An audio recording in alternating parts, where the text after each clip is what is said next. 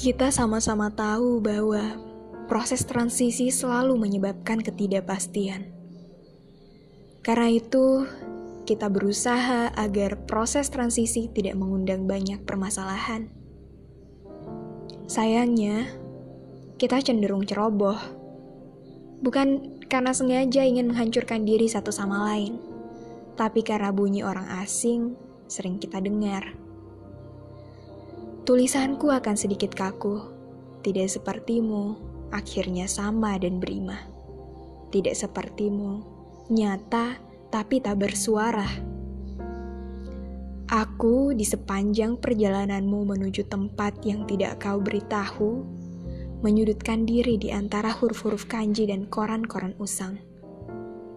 Aku ada di antara dinding pualam di tempat terakhir kau titipkan yang kau sebut tak selesai dan telah usai. Aku masih di sana, menunggu dan tidak menunggu. Aku habiskan buku-buku pilihanku, media-media pilihanku, sambil termangu. Sebelum membahas tentang pelacuran, aku ingin membahas beberapa hal yang berkaitan dengan pertemanan. Sesungguhnya aku bagian dari mereka yang menerka-nerka apa kau ada rasa Aku bagian dari keputusasaan yang akhirnya ku akhiri dengan pertanyaan. Dan kau sepertinya suka belajar. Kau suka mengulang-ulang. Untuk yang satu ini, aku bisa katakan bahwa kau punya niat yang kuat untuk terus diyakinkan. Mengenai masalah cemburu, ada beberapa hal yang menyebabkan masalah tersebut muncul, seperti ketidakadilan tidak baik kiranya kita menuduh satu dua orang selain di antara kita. Dan cemburu selalu tentang menghilangkan keresahan, bukan? Solusinya tidak terletak pada bagaimana memprotes, tapi bagaimana menghadapinya.